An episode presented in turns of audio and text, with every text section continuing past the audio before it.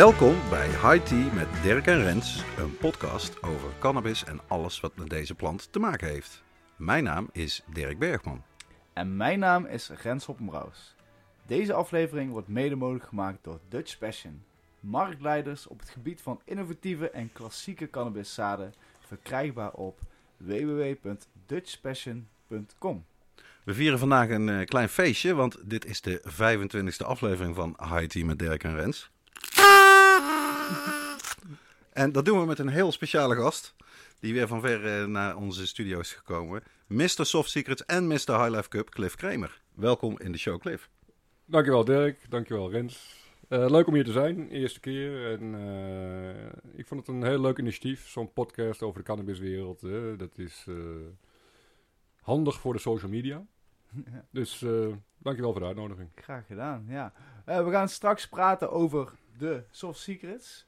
De verschillen eh, binnen Europa en de High Life Cup. eh, die eerder deze maand voor het eerst via een livestream werd uitgereikt. Maar eerst bespreken we het belangrijkste cannabisnieuws uit binnen- en buitenland. We gaan het hebben over de vrijspraak van de voormalige eigenaar van Growshop, de thuiskweker in Leeuwarden. De bom die de Europese Commissie dreigt te leggen onder de Europese CBD-industrie. De vrijlating van Toekta, de vrouw van Johan van Laarhoven. En het mogelijk allerlaatste gedrukte nummer van The High Times, de moeder van alle cannabis-tijdschriften. Ook in deze 25e aflevering kun je luisteren naar onze vaste rubrieken.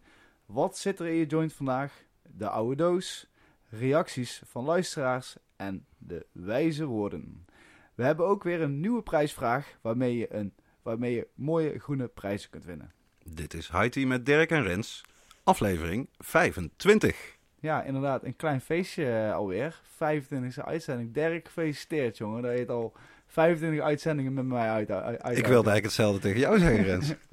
nee, ja, maar eh, nee, ik vind, eh, ik vind het heel leuk en ik, ik laten we naar, naar de 50 gaan. Ik, zei, ik denk dat we in het begin wel zeiden, nou laten we kijken of we de 25 kunnen halen. Het zilveren jubileum. Precies, dus nee, Nee, ik heb de smaak helemaal te pakken, dus op naar de 100, joh. Precies. Nou ja, ook deze uitzending gaan we gewoon beginnen met onze vaste rubriek. Wat zit er in je joint vandaag?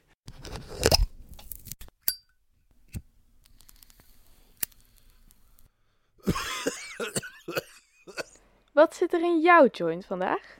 En daar beginnen we eigenlijk altijd mee met onze gast. Cliff.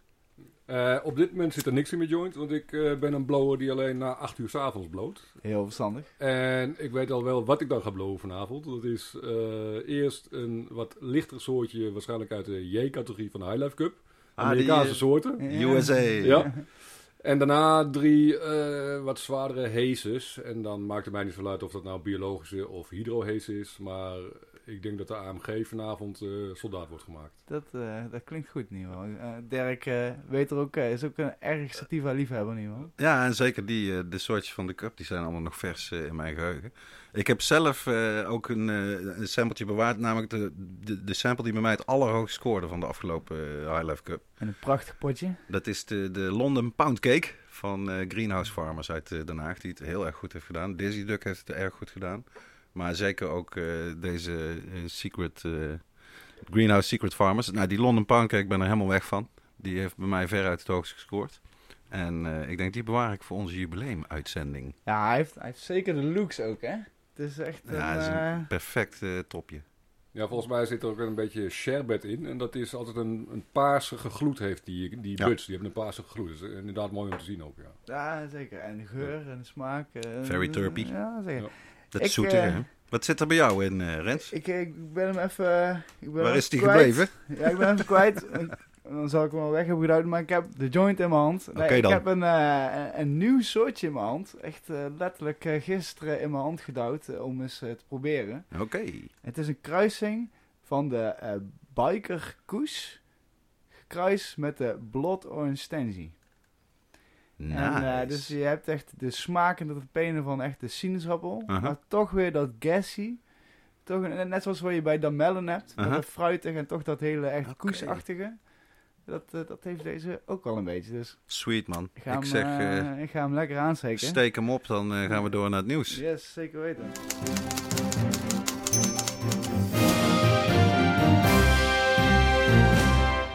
We beginnen in Leeuwarden. De voormalige eigenaar van Growshop, de thuiskweker in Leeuwarden, in Leeuwarden, is door het Hof vrijgesproken van het faciliteren van grootschalig hennepteelt.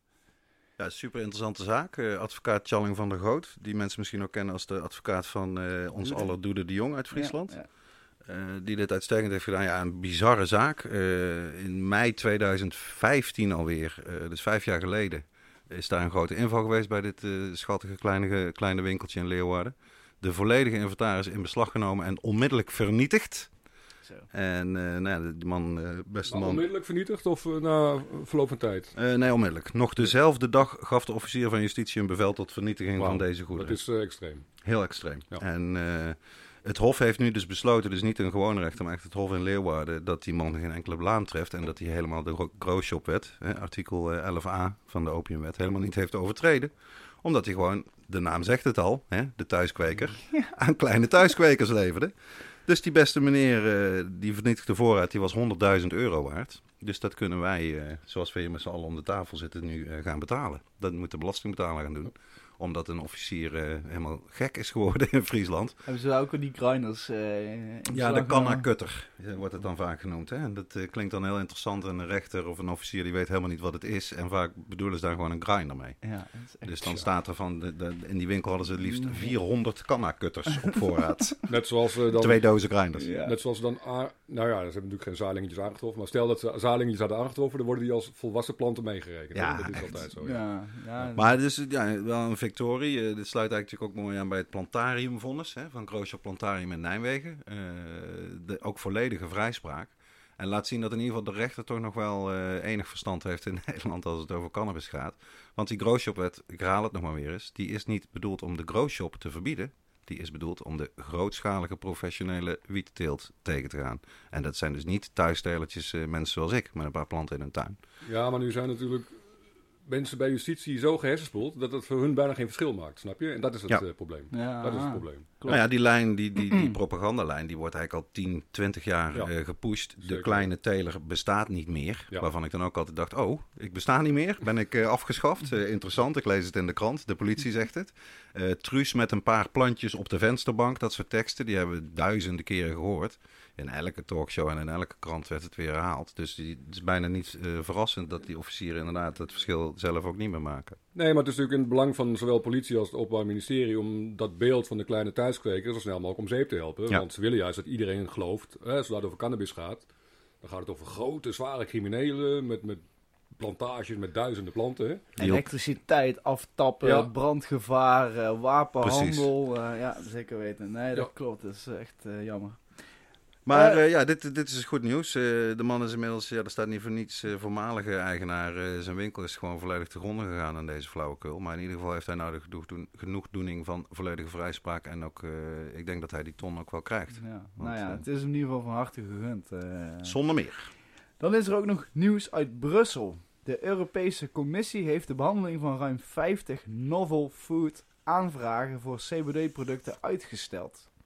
De commissie stelt zich op het voorlopige standpunt dat CBD-producten verdovende middelen zijn die vallen onder de VN-drugsverdragen.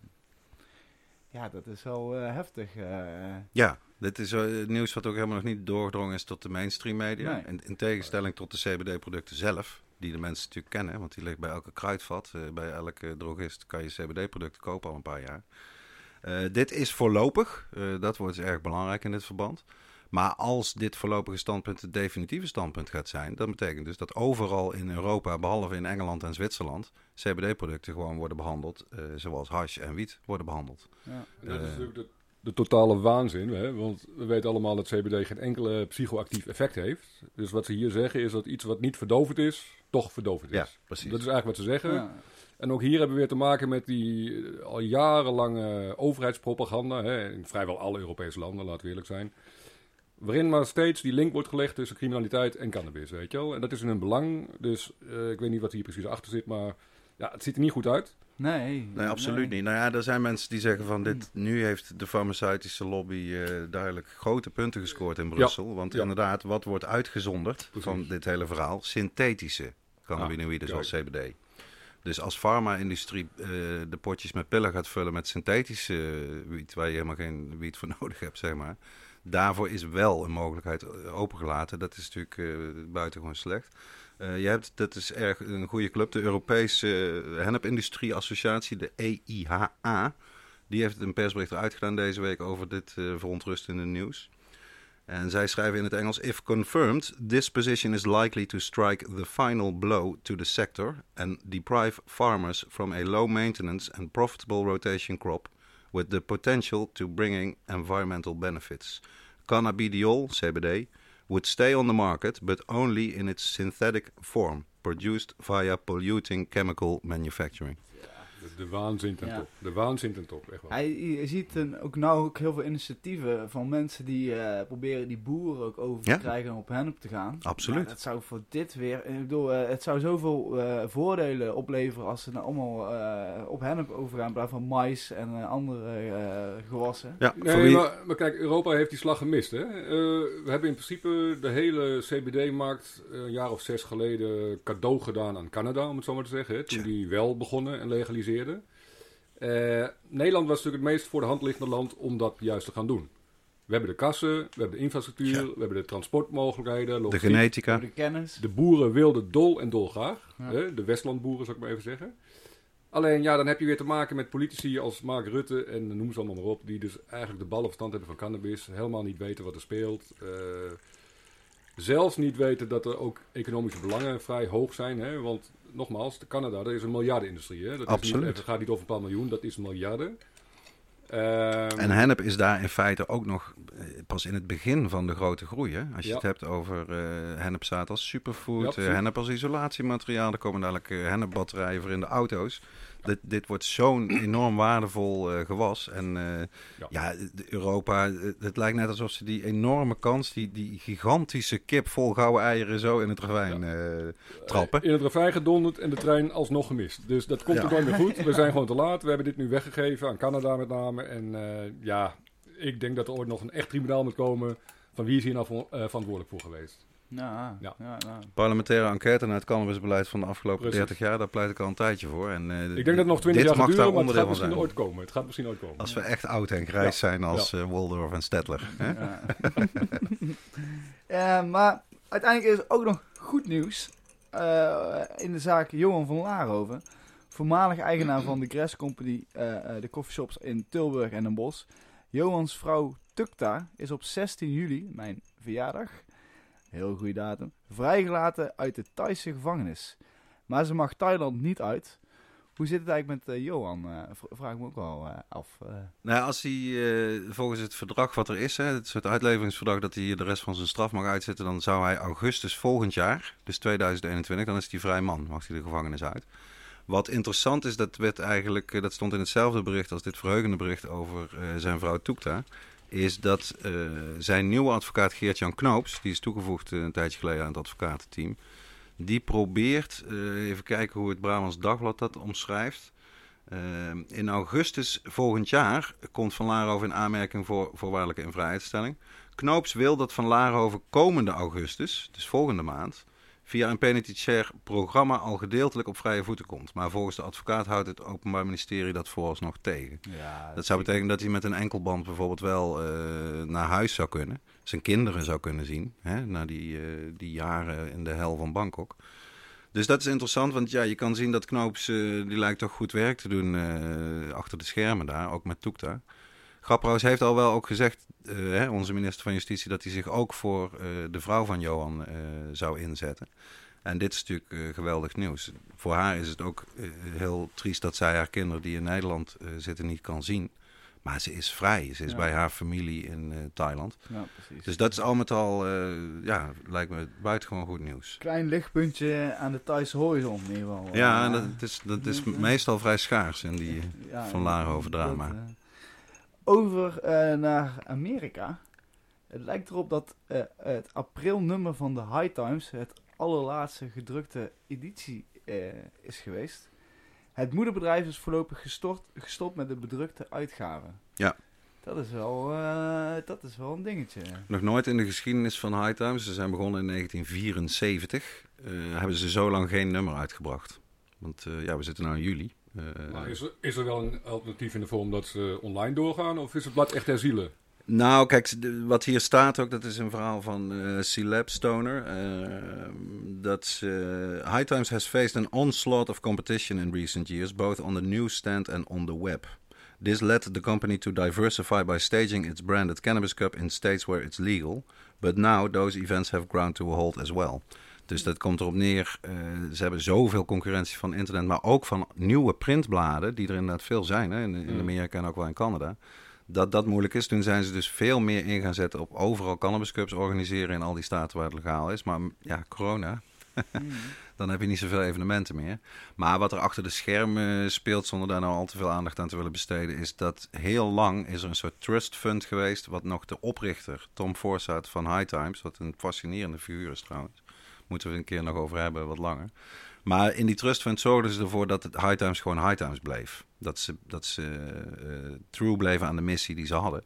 En dat is veranderd in, ik denk, staat hier denk ik in het artikel wel bij 2017. Ja, ik, ik kan me ook al herinneren nog. wel, Het ja. is niet zo lang, ja, hier 2017, ja, toen is het voor eh, 70 miljoen dollar is de Trans High Corporation, zoals het toen nog heette, verkocht. En gerebrand als High Times Holding. Ja, en vanaf dat moment is het gewoon Ja, helemaal verkeerd gegaan. Daar zijn, eh, ja, dat zijn meer financiële hedge fund specialisten die toen ineens in de directie zaten van de High Times, die nog nooit een joint hadden gerookt. En ze hebben alles fout gedaan wat je fout kan doen. Ze zijn al drie jaar bezig met een beursgang, wat die steeds niet lukt. Die nou weer is uitgesteld tot september. Nou ja, die zal weer uitgesteld worden, voorspel ik. Maar dat zie je in de hele cannabisindustrie terugkomen. Hè? Dat het langzaam maar zeker wordt overgenomen door de stropdassen, zeg maar. Absoluut. Mensen zonder enige link of kennis van eh, cannabis, die gewoon eh, dollartekens in de ogen krijgen. En eh, ja, dat is een ontwikkeling misschien ook niet helemaal slecht, hè? want daardoor profi nou, even professionaliseert het natuurlijk wel een beetje. Ik Heb ik Mhm. ook altijd, Ja. hoor. Dus eh, ik voel je. Zo'n kutwoord. had er niet aan moeten beginnen. Nee. Eh, dus het is niet alleen maar slecht, denk ik, maar het is natuurlijk wel een beetje een, eh, een teken aan de wand. Weet Ja, je wel? En, het is wel tragisch. Ja, het is tragisch dat natuurlijk de pioniers en de mensen die jarenlang lijf en leden hebben geriskeerd hè, om deze industrie eigenlijk op een officiële manier van de grond te tillen. eh, ja, dat die eigenlijk het haasje zijn, want die worden gedumpt als bakstenen. En de Ja, snelle dat is jongens... letterlijk gebeurd. Hè? De- de- Ja. Eigenlijk een, een hele flinke groep van de redactie. eh, onder andere Danny Denko, die mensen misschien wel kennen. Ja, hun eh, cultivation editor. Die zijn gewoon in maart van dit jaar allemaal buiten gesmeten. Nee, dat gaat helpen om je, om je blad te redden. Dat je de mensen die er, die er altijd voor geschreven hebben, dat je die eh, de deur wijst. In het artikel staat ook nog, eh, dat hebben we volgens mij ook wel een keer besproken. The main focus of High Times at the moment appears to be pushing into the retail dispensary business by agreeing to buy up locations in the California market and elsewhere. Hij was met de, de uitzending met Mara. Toen ze letterlijk zei... They're gonna sell weed. Hè, hè? Kom je er nu pas achter dat je eh, geld kan verdienen met eh verkopen van cannabis? Ja, maar zelfs daar doen ze het dus eigenlijk verkeerd en loopt dat ook niet. Dus Nou eh, ja, dat als je daar geen mensen uit de, uit de industrie zelf echt hebt die daar de- beslissen. Maar Ja. alleen mensen die om het geld, ja. Zo komen we bijna vanzelf bij eh nieuwtje over de wietproef. Eh, die staat niet op het lijstje, maar dat vond ik zo toch wel vermeldenswaard. Eh, er is veel kritiek gekomen, wat mij betreft terecht, bij de wietproef op de eh, eis dat alle deelnemende telers minimaal 6500 kilo per jaar moeten kunnen produceren. hè, 125 kilo per week. Dat is nu in een, eh, op een pagina veelgestelde vragen voor de aanmelding van de wietproef. Is dat genuanceerd en eigenlijk gewoon weggehaald? Want daar wordt ineens gezegd: nee, je hoeft het niet echt te maken elk jaar, die 6500 Ah, kilo. weggehaald is niet. Er nee. staat dat je eigenlijk moet kunnen aantonen dat je het kan doen. Maar je hoeft het niet te doen. Nee, het is ook... Ik, ik, ik, Maar hoe moet je dat aantonen dan? Met Ik- eh, Ja. capaciteit? Wat Nou je ja, met een soort-? Nou Ja, ja, dat kijk, denk je, ik. Nou ja, je, ja, je laat zien met de plattegrond en met je productieproces hoeveel je kan produceren. Maar het is denk ik eh, gewoon een, eh, een extra ehm, eh, dingetje dat een kweker die gewoon niet afgerekend kan worden op dat dingetje als ze dat niet, als ze het niet halen bijvoorbeeld. Oké. Want het is inderdaad wat ze erbij zetten met vraag en aanbod. Zeer interessant en zeer goed als ze dat doen. Ja, want dat staat erbij. hè. Ze zeggen uiteindelijk bepaalt toch vraag Ja. en aanbod wat je daadwerkelijk als deelnemende teler verkoopt. Ja, dus dat is Gelukkig. gewoon- ja. Dat is wel realistisch inderdaad. Ja. Ze willen gewoon dat de tien die ze kiezen, dat het gewoon fatsoenlijke partijen zijn Ja. die daadwerkelijk echt ook wel groot kunnen kweken. Maar ze willen natuurlijk denk ik wel dat het gewoon geleidelijk eh, opgroeit, opkomt. Maar Ja. mogen die kwekers wel blowen zelf? Is dat bekend? Want ik neem aan dat ze dan ook nog een voorkeur hebben voor mensen die zelf niet blowen. Denk je niet dat dat dan gaat gebeuren? Ja, nou ja. eh, eh, Ze willen ze- gewoon ze- tuinders. Ze willen gewoon tuinders. Net zoals eh, boeren in het Westland natuurlijk tuinders zijn. Ik, ik hoop dat ze een beetje van beide gaan pakken. Dat ze, Ja. ze en voor veiligheid gaan van ook mensen die echt al jarenlang tomaten hebben gekweekt. Mhm. Maar ook een aantal mensen die echt uit de industrie zelf zijn. Of eh, die, waarvan ze denken van, nou ja, laten ze ook, als ze gewoon een goed degelijk plan hebben, moeten ze ook gewoon een eerlijke kans krijgen in ieder geval. Als ze het toch gewoon enigszins verstandig en objectief aanpakken, met daadwerkelijk het doel om wetenschappelijk hè, wat Ja. informatie in te winnen over hoe dit kan gaan. Dan zijn ze 30 jaar te laat, maar goed. eh, Dat is zo, maar da- Ja. da- dan zouden ze toch hopelijk niet de fout maken dat ze inderdaad een, eh, zeg maar een hele categorie, zoals jij noemt de mensen die zelf blowen, dat ze die Ja. per definitie wegschuiven. nou, Nou ja, ik kan wel dat zou mij niet onthullen, verbazen. ik kan wel onthullen dat ik zelf al twee keer een vraag heb eh, ingestuurd naar het ministerie van VWS, want dat kan je doen als de vraag niet erbij staat op de pagina veelgestelde vragen. Eentje ging, eh, dat was een opdracht van iemand voor wie ik aan het vertalen ben, of het per se in het Nederlands moet worden ingediend. Dat stond nergens in de aanmelding, nou dat moet. En eh, misschien dat ik nou nog eventjes kan vragen, want we hebben nog even. Het duurt tot en met 28 juli, dat is nog een paar dagen. Eh, of dat een criterium is, vind ik wel een hilarische vraag, ja. Als je zelf bloot, is dit dan een uitsluitingsgrond? Nou ja, het idee is natuurlijk dat, dat ambtenaartjes, zoals Ja. ze dat doen, die gaan natuurlijk denken, hé, hey, wacht even, misschien is meer een risico, want hij gebruikt drugs. Hè? Precies. Je hebt het over mensen die helemaal geen verschil weten tussen CBD, THC, Ja. voor wie cocaïne en heroïne min of meer hetzelfde zijn. Je Ja. hebt gewoon mensen die dus, net zoals iedereen bijna 30 jaar lang geherspoeld zijn met propaganda. Daardoor hebben ze niet helemaal door hè, met wie of wat ze te maken hebben. Dus ik denk dat ze dan inderdaad toch kiezen voor de hele veilige boer die Ja. zonder strafblad, die zelf niet bloot, die misschien tomaten heeft. En dat is op zich niet zo gek bedacht. Alleen de sfeer en de cultuur van Tuurlijk. de Zo. Zit natuurlijk aan de andere kant. Ja. En dat is natuurlijk wel een beetje het punt. Ja. Ja, in de vorige aflevering, eh, nummer 24, hadden we Erik Uleman eh, te gast van CanNext. En die zei op een gegeven moment ook, kijk, het feit dat wij, zeg maar zijn project, in het verleden met de banken, met de ING, met grote, dat soort partijen heeft gewerkt. Hij zegt, dat, dat zorgt ervoor dat zo'n gemeente, die voelt zich comfortabeler. Precies. En dat is het tegenovergestelde van als het iemand is, juist denk Ja. ik, uit de wereld zelf. Dan Precies. voelen ze zich oncomfortabel mee. Ja.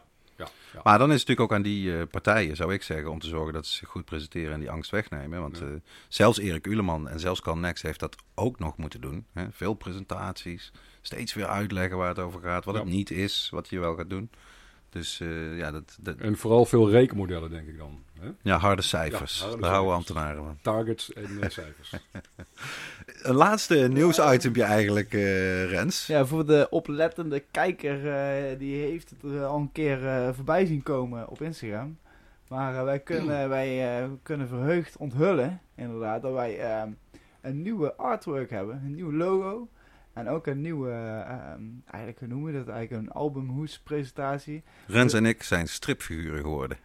We hebben een samenwerking met een tekenaar, die heeft een geweldige, leuke artwork voor ons gemaakt. Een beetje Peter Pontiac-achtig zie ik. En dat is eh, helemaal niet verkeerd. Dat is, er was natuurlijk de, de underground tekenaar van Nederland. Hè. Hij is Ja. overleden een jaar of vijf, zes geleden geloof ik. Maar eh, dat was een ge- dat, geweldige tekenaar. En de, Groot lijkt een kunstenaar. beetje op, Ja. Ja, want ik ben nou even de, de, de, de naam van de tekenaar kwijt, maar volgens mij was het Barend die dit heeft gemaakt. Maar Waarom eh, Pontiac? ik, ik hoor het wel wanneer ik het verkeerd heb gezegd. Maar in ieder geval voor de ontwerpen echt ontzettend bedankt. We zijn ontzettend heel Kudos blij mee. voor hem. Ja. En eh, we zullen leuk. deze gaan gebruiken in ieder geval. eh. dan gaan wij door naar het interview met onze vaste, of onze vaste, onze fijne gast, Ja. Cliff Kramer. Ehm, ja, Cliff Kramer is de hoofdredacteur van alle Europese edities van Soft Secrets en al jaren de drijvende krachten achter de High Life Cannabis Cup. Laten we beginnen bij het begin. Hoe en wanneer ben jij in de cannabiswereld beland, Cliff? Ja, dat is wel een eh, leuk verhaal. Ik was eh, ruim 25 jaar geleden, ja zo lang is het al, eh freelance journalist. En ik reisde veel en ik schreef verhalen voor allerlei bladen, HP De Tijd, Panorama, Penthouse, noem het maar op.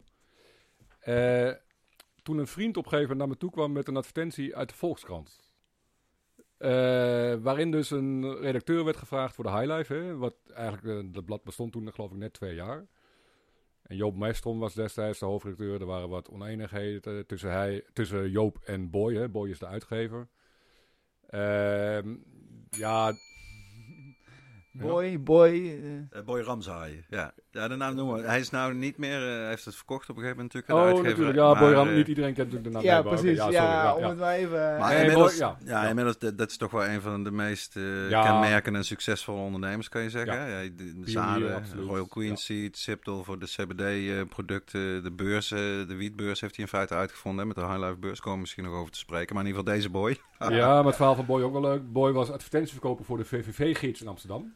Kwam toen zelf op het idee om coffeeshops te benaderen, hè, om advertenties binnen te halen voor de VVV-gids. Dat werd zo succesvol dat de leiding van de VVV-gids zei, hey Boy, dankjewel, maar liever niet. Waarop Boy besloot, nou weet je wat, dan ga ik eh, zelf maar iets doen. En toen is hij dus weggegaan bij de VVV-gids. En heeft hij dus de Highlife eh, gestart, wat natuurlijk een eh, waanzinnig goed idee was op het juiste moment. Absoluut. Ja. En eh, dus dat is leuk. Maar goed, jij zag die Ja. advertentie in de Het Volkskrant. ging over mezelf. Ehm, ik zie die advertentie en ik dacht in eerste instantie van... hé, hey, dat is interessant, want ik heb nog heel veel reisverhalen op de plank liggen. En wie weet, misschien willen heel veel die reisverhalen van mij kopen, weet je wel. Dus ik stuur een brief in. Want het was nog voor internet-tijdperk, moet ik er even bij zeggen. Brieven werden nog op een oude typemachine gedikt en niet op de tekstverwerker. Eh, tot mijn verbazing kreeg ik toen opeens een dag of, nou wat is het, zes later... eh, Boy Ramshaai, dus de uitgever zelf, op mijn stoep in Amsterdam. Met onder zijn arm letterlijk een eh, map met 800 sollicitatiebrieven.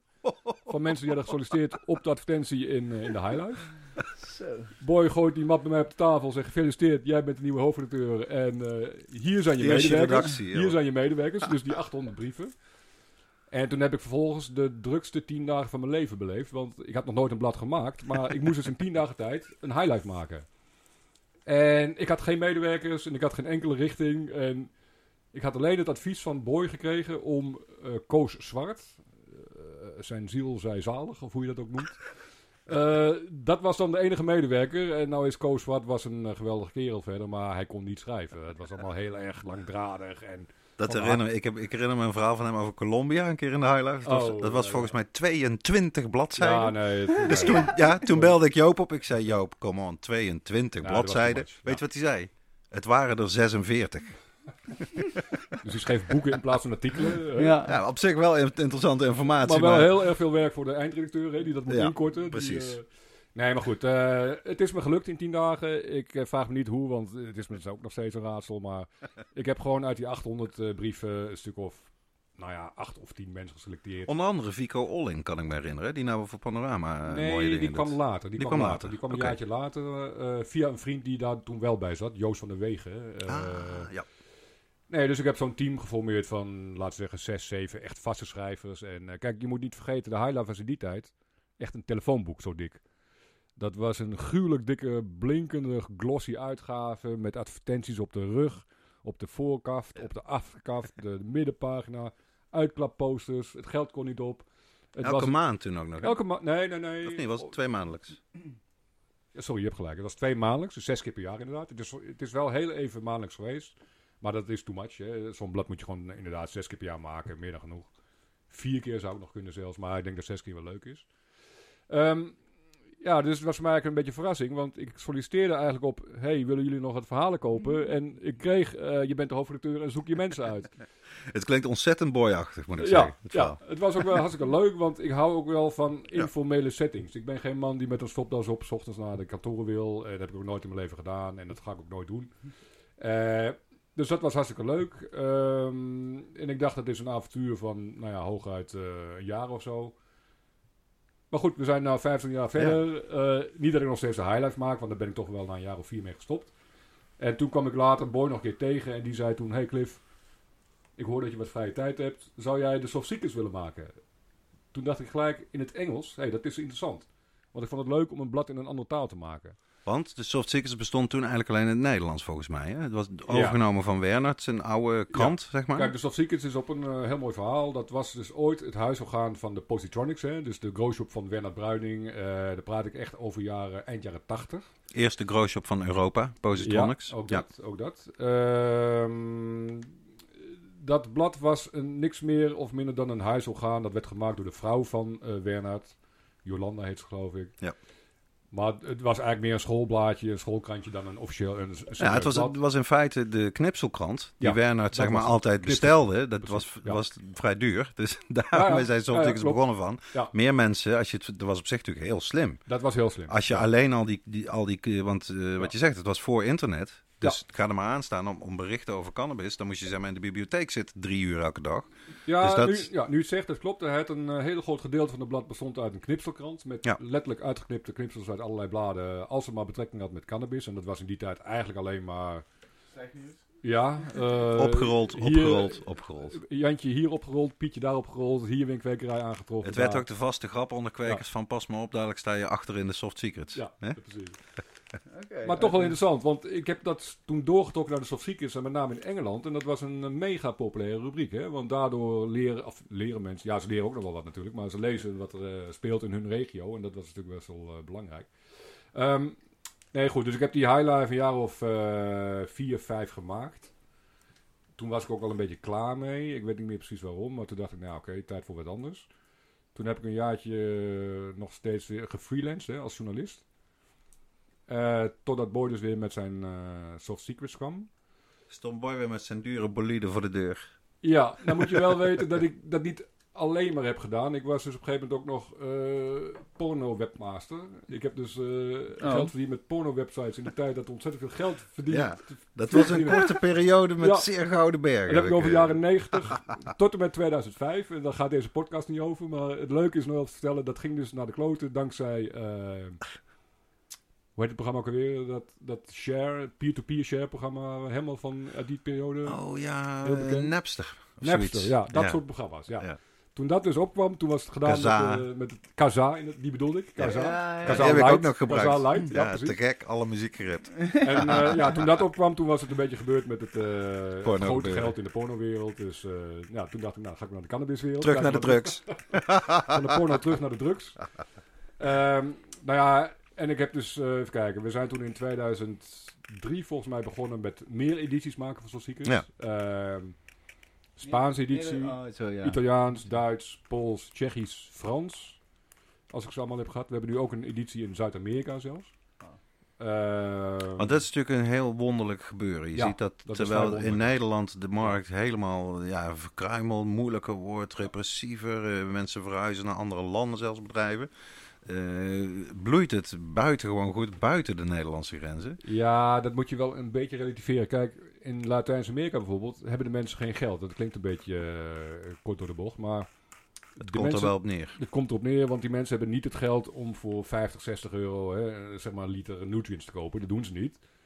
Dus die adverteerders hebben daar niet zoveel aan. Dus de Latijns-Amerikaanse editie moet je even helemaal los zien van de, van de Europese edities. Dat is een wereld op zich. En eh, ik bemoei me daar ook helemaal niet mee. Dat is niet mijn afdeling.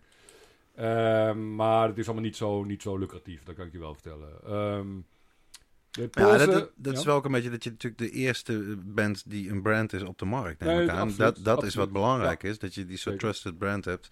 En dat is natuurlijk Ja. heel mooi aan, aan Soft Secrets, dat je naar waarheid kan zeggen sinds 1985. We zijn natuurlijk wel het enige blad die in acht talen uitkomt. Hè? Dat is natuurlijk Ja. wel vrij bijzonder. Dat heb ik nog nooit iemand anders zien doen. En, eh, Ja, want dat vroeg ik me af, Cliff. Ja. Eh, hoe, hoe manage je zoiets eh, in hemelsnaam? Een deel van die verhalen wordt vertaald, heb ik het idee. Maar er zijn wel zo- degelijk mensen eh, Net zoals in de je landen podcast zelf. vanuit je werkkamer regelt, zo regel ik de soft secrets vanuit mijn werkkamer. Dat is heel simpel. Ik heb me- met iedereen contact via e-mail vrijwel.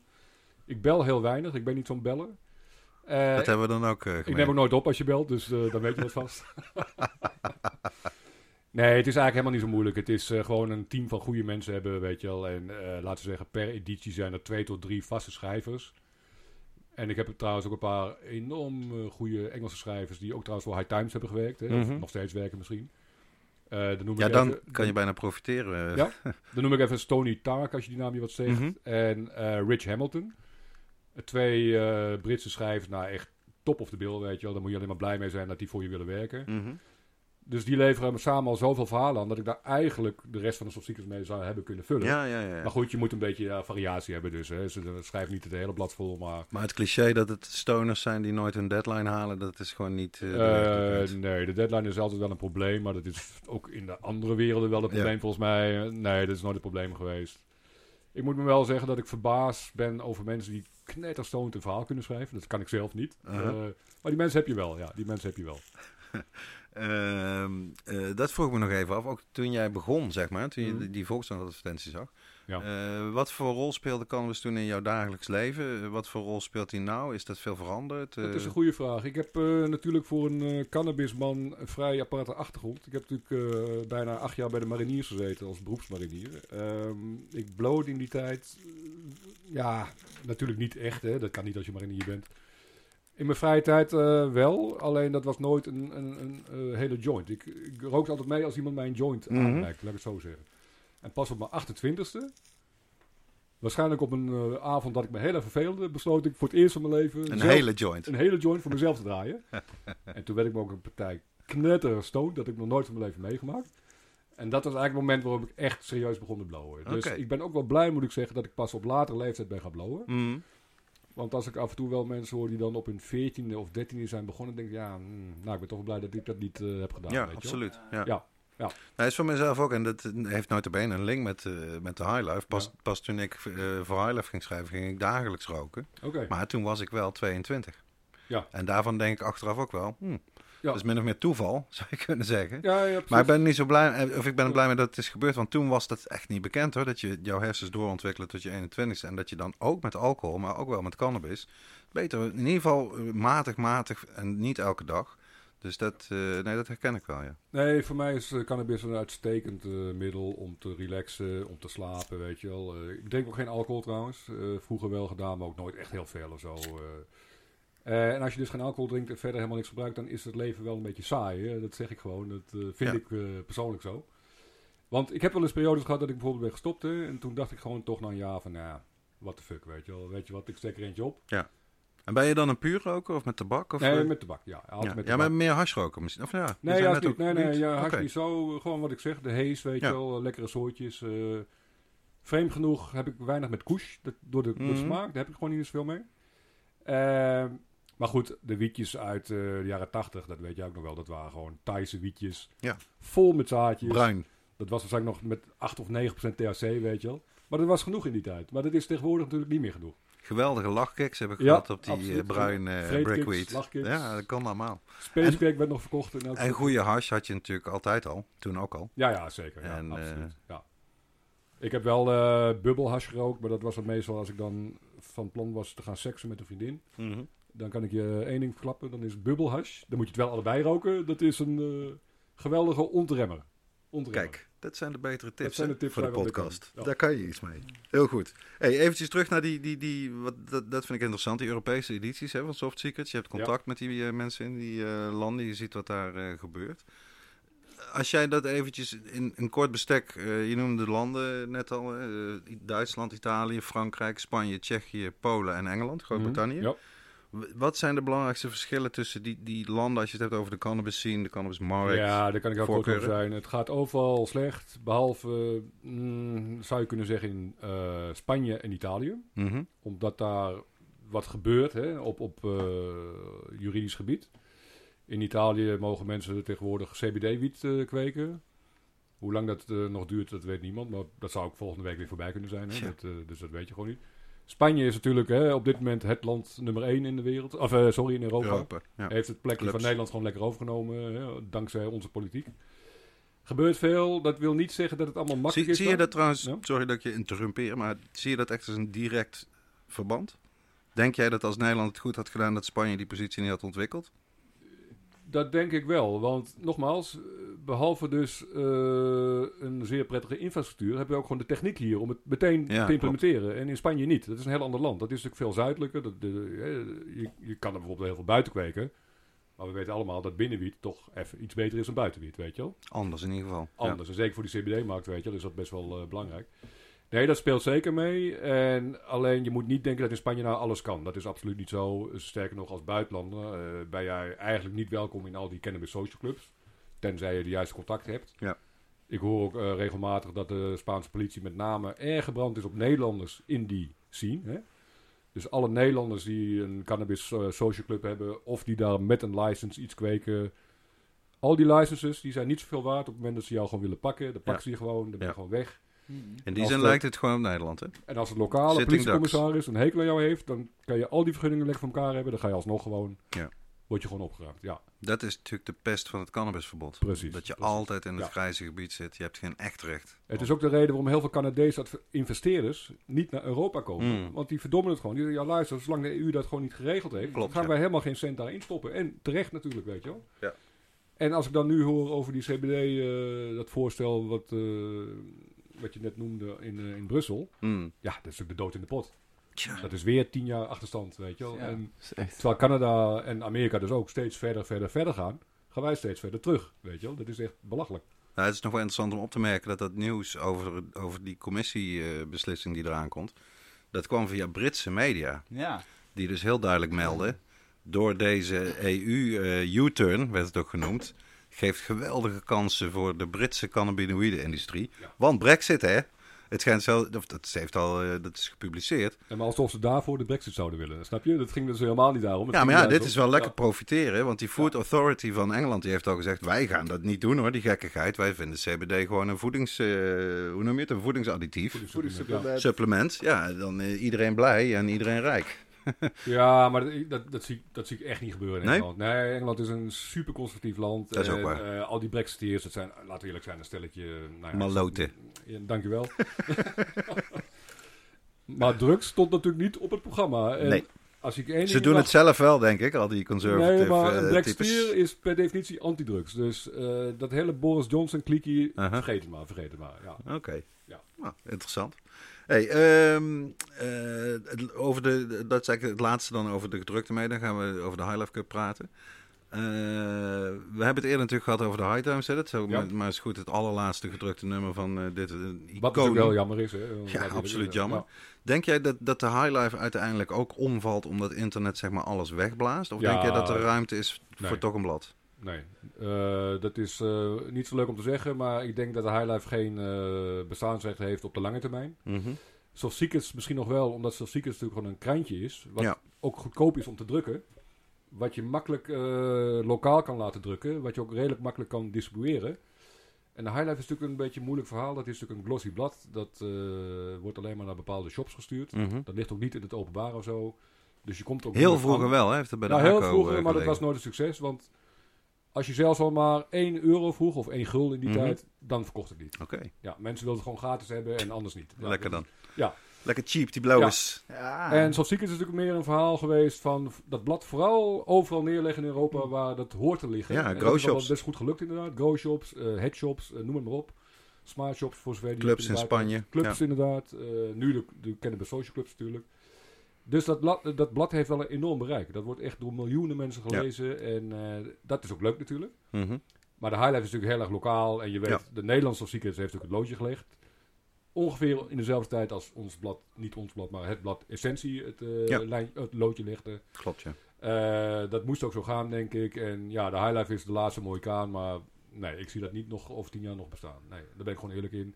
Dan hoop ik alleen maar dat ze de slag naar online Hmm. een beetje op weten te pikken. Maar ja, dat, ik eh, moet zeggen, ik lees het eh, heel fijn online. Gewoon met die Ja, pdf. eh, oké. dan, eh, Ik vind het heerlijk. Lekker op mijn eigen bank. En inderdaad, ik pakte hem altijd mee als ik naar een koffieshop ging. Ja. Zeker weten. Maar ook nou met die corona-tijden. ja, je Ja. bent, het is eh, komen en gaan Ja. snel. Dat voert High Times ook wel aan. Hè? Ze zeggen, ja, door die corona is het allemaal veel moeilijker om dat blad nog te verkopen. Ja, maar de Eh, High Times is ook een heel duur blad om te maken. Ja. Eh, want als je naar hun verhalen kijkt, en hun sturen letterlijk nog Ja. steeds mensen de wereld over met allerlei mooie verhalen. En dat is allemaal prima, maar dat, dat is ontzettend duur. Ja. Dat is, eh, dit is bijna niet meer vol te houden tegenwoordig. Dat is het probleem. Ja, en er is natuurlijk ook veel in de plaats gekomen. Hè? We moeten niet altijd treurig nee, zijn. natuurlijk, natuurlijk. Eh, Ja, een online zender als. Vice, weet je wel, wat die Ja. brengt, man. En eh, al is het zeg maar alleen cannabis en koken, maar ook gewoon andere documentaires. eh, je, de content komt er wel. Alleen, eh, ja, kijk, ik ben zelf natuurlijk een bladerman. Hè? Ja. Ja. Waar hebben we het over? Ik schrijf al meer dan een kwart eeuw voor, eh voor wietblaadjes. Om het eens oneerbiedig te zeggen. Ik vind het eh, helemaal geweldig. En het is wel, ik heb eh, toevallig deze week kwam een boek binnen. 40 jaar High Times in 2014. Prachtig boek, dat ga ik even laten zien. Daar maakt eh, de advocaat, die al vanaf het begin betrokken was, zeg maar. De enige die nog aan boord was toen, die nog helemaal vanaf nummer 1 er was. Die maakt het punt dat als de tegenstanders, de tegenpartij, de overheid, de politie, de DEA, noem maar op, niet zo ongelooflijk stom en onempathisch waren, dat heel dat blad High Times helemaal niet meer had bestaan. Omdat, dat, dan was het heel saai geweest, zeg maar, dat blad.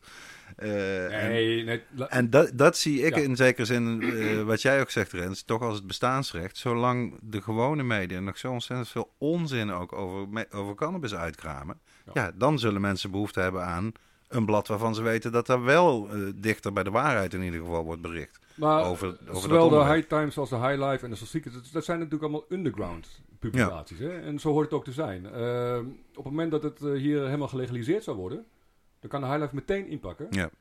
Ja, of misschien niet helemaal. Die Nou, worden de dag later overgenomen door een grote uitgeverij. Ja, En die willen dan wel de kennis en de know-how natuurlijk van de schrijvers. Je hebt dat een vakblad nodig. Ja, tuurlijk. Ja, Ja. absoluut. Dat is toch... eh, nou ja, kijk, eh, het is een van mijn vaste dingetjes. Cannabis onttrekt zich aan alle categorieën. Hè. Het is altijd net anders als het over cannabis dat maakt het ook zo leuk natuurlijk. Nou ja, en ik Ja. denk dat die niche, eh, kijk hoeveel jij misschien ook van drank houdt, ik denk dat je toch een ander soort relatie mee hebt dan met die plant. Eh, mensen in ieder geval zoals Rens en ik, ja, eh, je bent daar eh, heel intensief mee bezig. Je vindt het machtig interessant, eh, nieuwe soorten, hoe die plant groeit. nee, maar Wat wat ik... Weet je wel, dat, Ja. dat geeft aan, eh, wij, zo uniek zullen we daar niet in zijn. Dat er toch een niche publiek, denk ik, altijd zal zijn. Die topkwaliteit journalistiek, op welke vorm dan ook, of het gedrukt is of eh, hè, welke vorm. Nou ja, dat en- zal er wel, wel blijven, denk ik. Ja, en vooral de kleine kwekers natuurlijk. Hè. Ja. Dat is eigenlijk waar we voor bestaan. Want eh, ik weet nog heel goed, toen ik Soft Seekers begon, toen was natuurlijk een beetje de vraag van... eh, my god, wat gaan we nou erin zetten? Hè? Best wel veel pagina's. ja. En als de je... existentiële vraag voor elke Precies. bladenmaker. Precies. En in het begin was het natuurlijk een beetje je vorm zoeken en het was een beetje onduidelijk. Dus eh, ik kan me herinneren, en ik heb het nog wel liggen, maar er zullen weinig mensen zijn die nummer 1 van de Engelse Soft Seekers hebben. Maar dat is een compleet ander blad wat je nu tegenkomt. Want dat was veel meer een soort panorama met een cannabis-inval, Oké. om het zo maar even te zeggen. Totdat ik er na een nummer of drie achter kwam dat alle reacties die ik kreeg per e-mail, dat was alleen maar over de Kweek. rubriek over de kweek. Ja. En toen dacht ik, wacht even, als dat zo is, dan flikker ik alles eruit, behalve de kweekverhalen. En toen is het dus een puur kweekblad geworden, met alleen maar verhalen door, eh, voor kwekers, door kwekers. Ja. En dat is eigenlijk de formule, hè? dus een blad voor kwekers, door kwekers. En dat sloeg aan als een bom en eh, dat is nog steeds dezelfde formule. Ja, wat ik nog herinner uit die vroege tijd is dat altijd het punt was. Of je had iemand die had heel veel verstand van kweken, maar die kon niet schrijven. Precies. Of je had iemand die goed kon schrijven, maar die had de ballen verstand van kweken. Ja, dat is een heel goed punt, want we hadden op een gegeven moment allerlei figuren die schreven dan verhalen, maar dat bijna wetenschappelijk, weet je. Dat Ja. even, mijn god, man, nou even op, weet je wel, met je... Nee, goed, eh, dus die hebben er vrij snel uitgewerkt. En normale mensen, inderdaad kwekers in dienst genomen, of tenminste eh, gevraagd om ons te schrijven, die dus in- inderdaad een beetje konden schrijven, maar natuurlijk ook op kweekgebied goed waren, hè. Ja. Want die twee jongens die ik net noemde, Stony en eh, Rich, ja, dat, dat, die, dat zijn gewoon 100% professionals. Ja. Dat, daar kun je echt wat van leren, weet Mhm. je wel. Want dat zijn jongens die leven gewoon cannabis.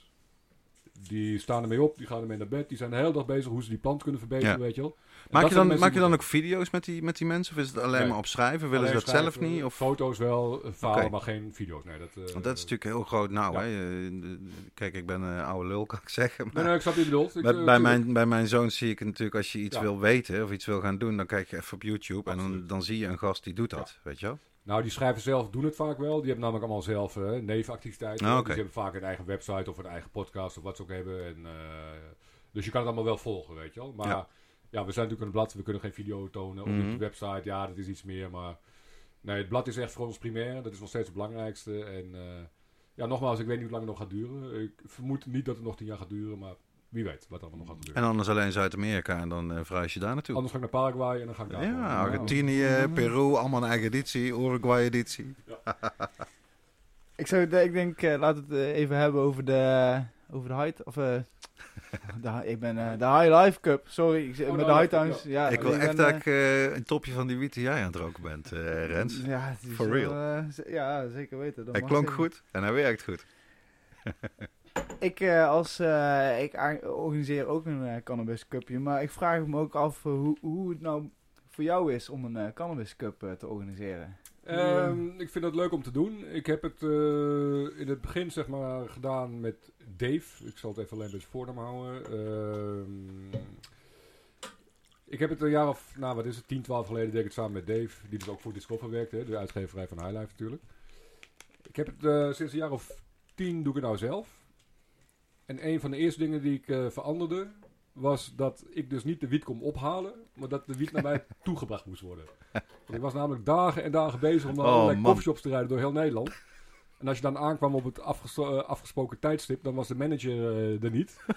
en die lag waarschijnlijk nog in zijn bed en of ik dan even wilde wachten hè, tot hij wakker was. Ja, dat, eh, nee, dat heb ik één of twee jaar gedaan en toen had ik er genoeg van. En tegenwoordig moeten ze allemaal naar mij toe komen en dat is ook geen probleem gelukkig. Ehm, De logistiek is iets de logistiek is best wel een puntje, hè, want die rijdt natuurlijk ook nog steeds wel met, hè, laat zeggen, illegale waren Ja. over straat en zo. Dus het is allemaal eh, strak, Hush, en, hush. strak en discreet georganiseerd. Ja. Ehm, en qua inzendingen, ja, dat is natuurlijk niet aan mij. Hè. Ik, je bent afhankelijk van wat erin wordt gestuurd. Ik heb natuurlijk wel die categorieën steeds meer gaan veranderen, hè, want het was allemaal een beetje star en een beetje kort en een beetje klein. Maar de cannabismarkt verandert natuurlijk heel erg veel. Dus eh, als je nou bijvoorbeeld kijkt naar eh, de afgelopen editie van nou, vorige maand, kan ik zeggen. 15 categorieën. Precies. Ja. Waaronder bijvoorbeeld een Amerikaanse soort, hè, wat, wat je tien jaar geleden ook helemaal nog niet had. Ik heb de hashcategorie opgedeeld in importhash en nederhash. Hadden we misschien al eerder kunnen doen eigenlijk. Extracties dat, is een beetje een punt, want in veel gemeenten mag je dat niet verkopen. Hè, dus shops kunnen dan ook niet meedoen. Eh, qua wiet, ja, nog steeds is het best wel een groot onderscheid tussen hydrowiet of biowiet. Hè, dus, en daarbij moet ik trouwens even zeggen dat de hydrokwekers natuurlijk per definitie de, misschien niet de beste kwekers zijn, maar wel het moeilijkste werk hebben. Absoluut, ja. Want bij hydro-kweek kun je geen fouten maken, of heel weinig fouten. Terwijl je bij bio-kweek, hè, dus op aarde, kun je gewoon best wel wat fouten maken. Die plant kan wel wat hebben. Daar heb je een buffertje ook met de aarde. Precies, ja. Ja. Heel. Goed, heel goed punt, ja. Ja. Dus daarom is het ook eh, wel eh, interessant om te zien dat dus de winnaar bij de Hees-categorie dit jaar in de hydro-categorie volgens mij ruim 10 punten meer had dan dezelfde winnaar in de bio-categorie. Dus de, ik zou bijna zeggen, de kwekers op hydro-slaps, dat zijn echt kunstenaars bijna. Hè? Ja. Die weten zo goed hoe de verhoudingen liggen. In voeding, licht, eh, weet je, al, alles wat er maar bij kon kijken. Ik vond het ook heel leuk dat Coffeeshop Dizzy Duck nog even hun kwekers in het zonnetje zette tijdens het livestream van de Cup. Mhm. Want dat mag ook wel eens een keer gebeuren. Hè? Dat zijn natuurlijk een beetje de, de onzichtbare mensen. Ja. Maar eigenlijk de helden van de, van de scene. Hè? Want dat zijn de mensen die letterlijk hun vrijheid riskeren om hè, de markt te kunnen voorzien. De Eh, mensen die ze in Canada en Amerika inmiddels wel master growers noemen. Ja, precies. Zo precies. worden ze hier niet genoemd. Hè? Of een vergelijkbare eh, vertaling. Ik weet niet of je het weet, maar voor elke cum laude student op een universiteit in Nederland, en trouwens in de hele wereld, zijn er zeven leeftijdgenoten die ook cum laude zouden zijn afgestudeerd, maar die nooit hebben gestudeerd. Ja, ja, ja. En ja. dat geldt voor kwekers natuurlijk ook. Ja. Voor elke goede kweker zijn er nog acht anderen die alleen niet kweken. Dat gaat allemaal komen, hè? We zouden bijna een oproep kunnen doen van... eh, eh, Ja, Probeer het eens, mensen. Ja, probeer het eens. Ja, Alleen voor persoonlijke consumptie. Uiteraard. Uiteraard. Je, je had het inderdaad ook over de livestream. Wegens eh, corona Ja. dit jaar eh, hebben jullie het eh, online moeten doen. Hoe, Ik hoe- vond dat toch wel eventjes een tegenvallend bericht. Ik had weer toch gehoopt op weer zo'n gezellig feestje Ja, in Best. We zouden in Aquabest eh, gaan en dat was natuurlijk allemaal gepland en geboekt. Eh, alleen ja, we zaten nog steeds met die anderhalf meter regel Ja. en dat weet je, ja, dat zou geen succes zijn geworden. Is ook niet leuk, denk ik, anderhalf Nee. meter, weet je wel. Dat wordt een beetje stijfjes.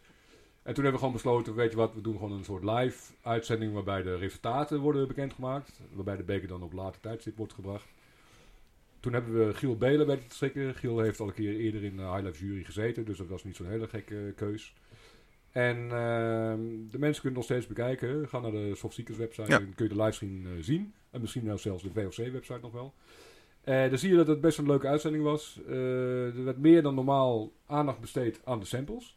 En dat vonden heel veel mensen toch wel ontzettend positief. Ja, vond ik ook. Er zit heel veel informatie toch tussen de regels door. eh. Het was misschien een beetje rommelig, maar nogmaals, dit is een underworld dingetje. eh, Ja. Underground bedoel ik, dus het moet ook een beetje underground eh, gebracht worden. Dat vond ik dus helemaal niet zo'n probleem. En ik vond het zelfs zo leuk dat ik misschien zit te denken om dat volgend jaar iets te combineren. Dus misschien een livestream vanaf het feest. Oké, Zoiets, weet je wel. leuk. ja. Het is toch, je kan er dan toch bij zijn, ondanks dat je er niet Precies, bent. precies. Primeurtje, Rens. You Ja. heard it here Ja, first. We Ja. schrijven het op, we schrijven op. Eh, over, over de soortjes, nou, je zei ook al in, eh, dat je graag sativa rookt. Ja. Eh, wat, is voor jou, wat was voor jou de hoogtepunt van deze editie? Is, was het net zoals wat eh Ik ben, Dirk, de 100 pound, was er bij jou nog een... Ik heb twee giga favorite strains. Eén is de Neville's Haze. Gewoon de Mm. originele oude Neville's Haze. Al dan niet gekruist met iets anders. Dat is bijna altijd gewoon geweldig. En sinds een jaar of twee de Gorilla Glue uit Ja. Amerika. Ja. Die is namelijk net zo sterk als de Haze. Alleen dat is geen Haze. Dat- Die smaakt ook niet naar Haze. Maar die heeft een heel bijzonder... aardsig.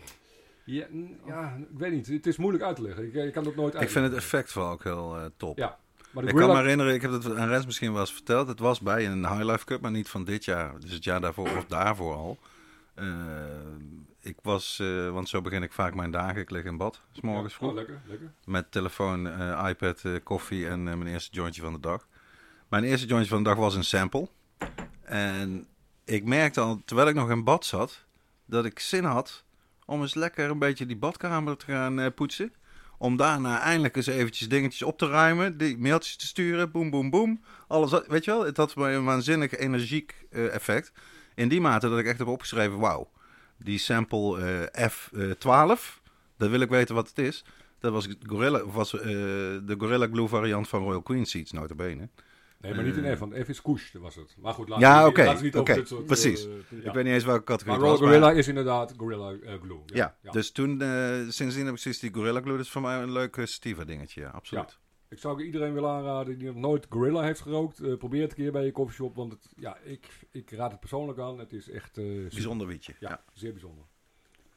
Ik zou zeggen, we gaan naar de laatste vraag. Anders wordt het een, wordt het een, weer een, Een marathon. een marathon eh, hè. Hoe, en dan wil, ben ik ook zeer benieuwd over.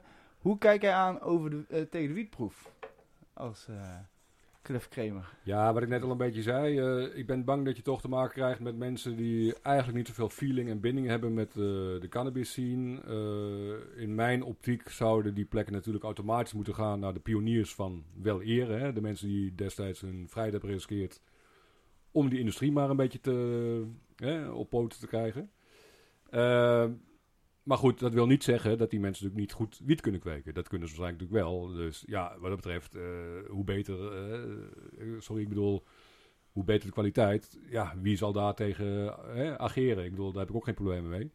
Ik ben alleen bang dat het een beetje een, een, een wereldje gaat worden die ontzettend ver afstaat van de wereld zoals wij die kennen, tenminste met betrekking tot cannabis. Ja. En dan heb ik eigenlijk, eh, bij wijze van spreken, iemand met een stopdas hè, die dan eh, even de kweekhokken inloopt, eh, als je begrijpt wat ik bedoel. Ja, ja, Ja. ja, zeker. Dat, Ja, het hoeft niet per se slecht te zijn, dat zeg ik erbij. Het kan ook heel goed zijn, maar ik heb er een beetje mijn eh bedenking over. Ja.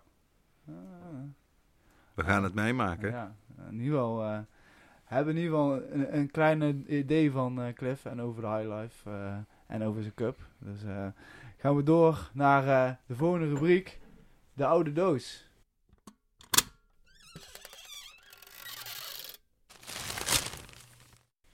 Dirk, even kijken.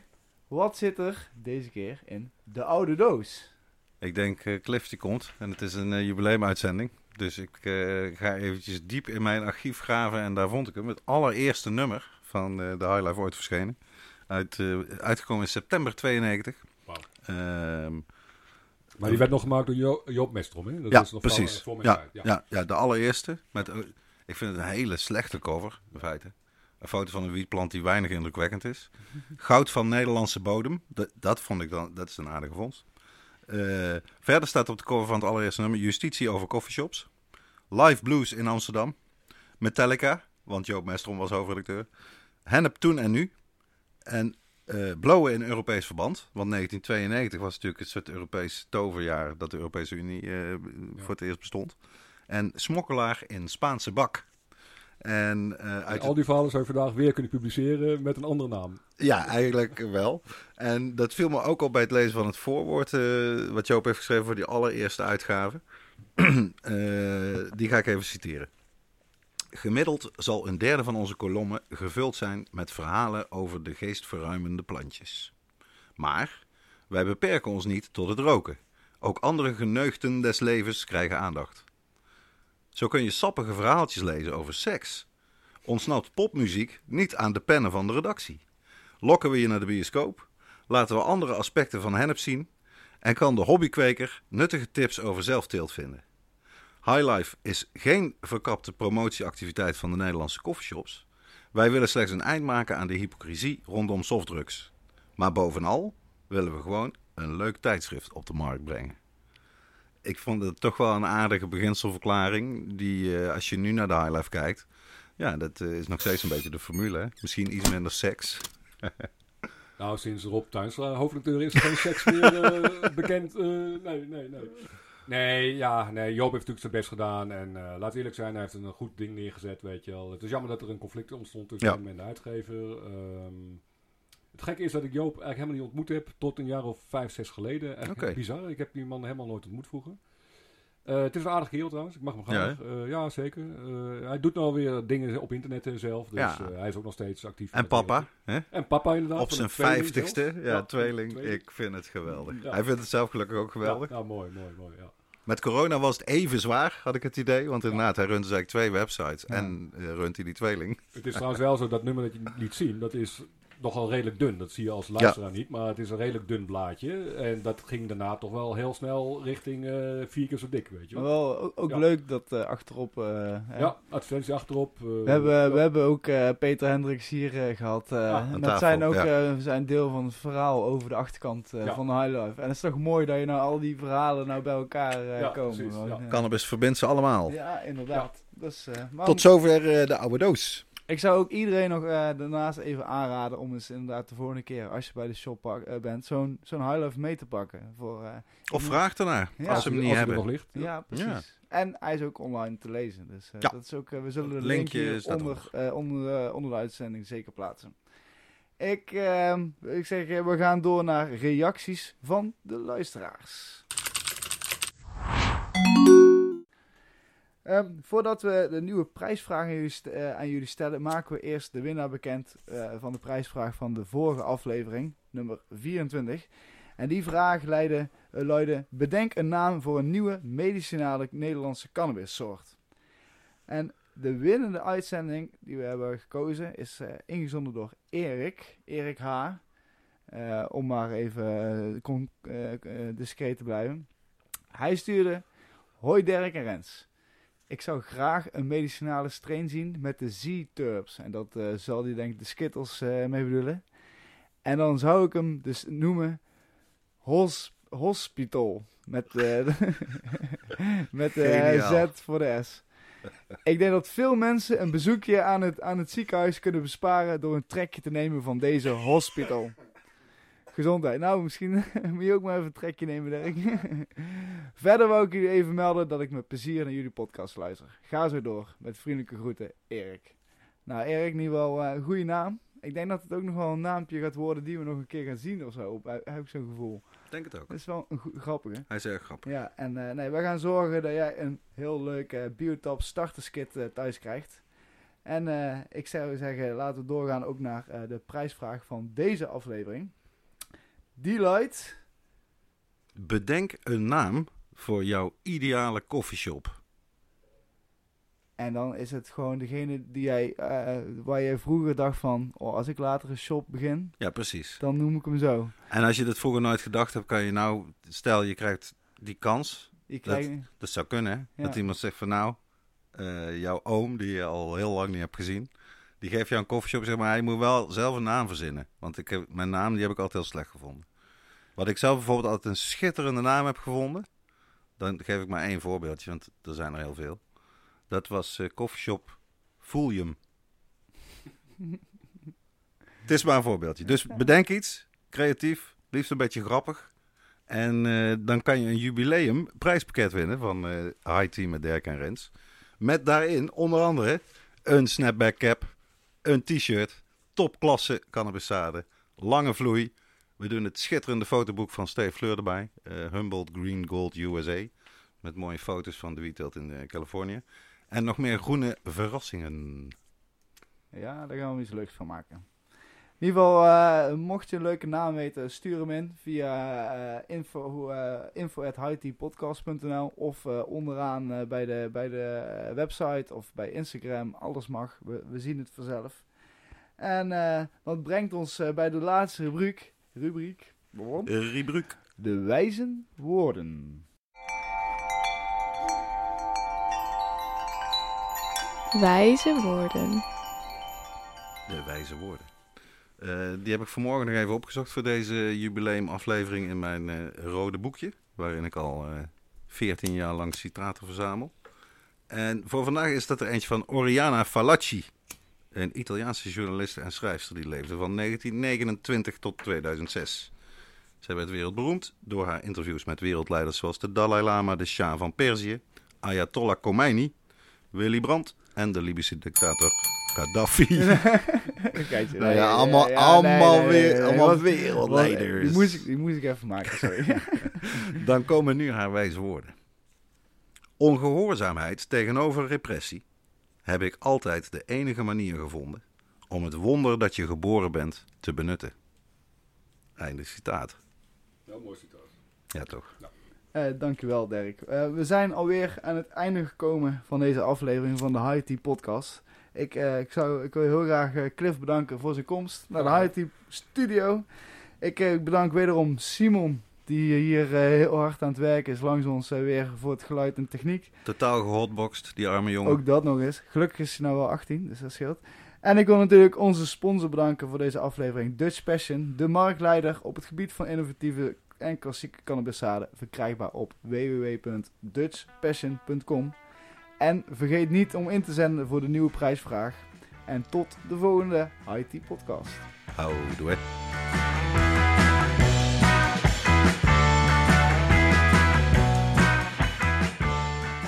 Tea met Dirk en Rens wordt gemaakt door Dirk Bergman en Rens Hoppenbrouwers.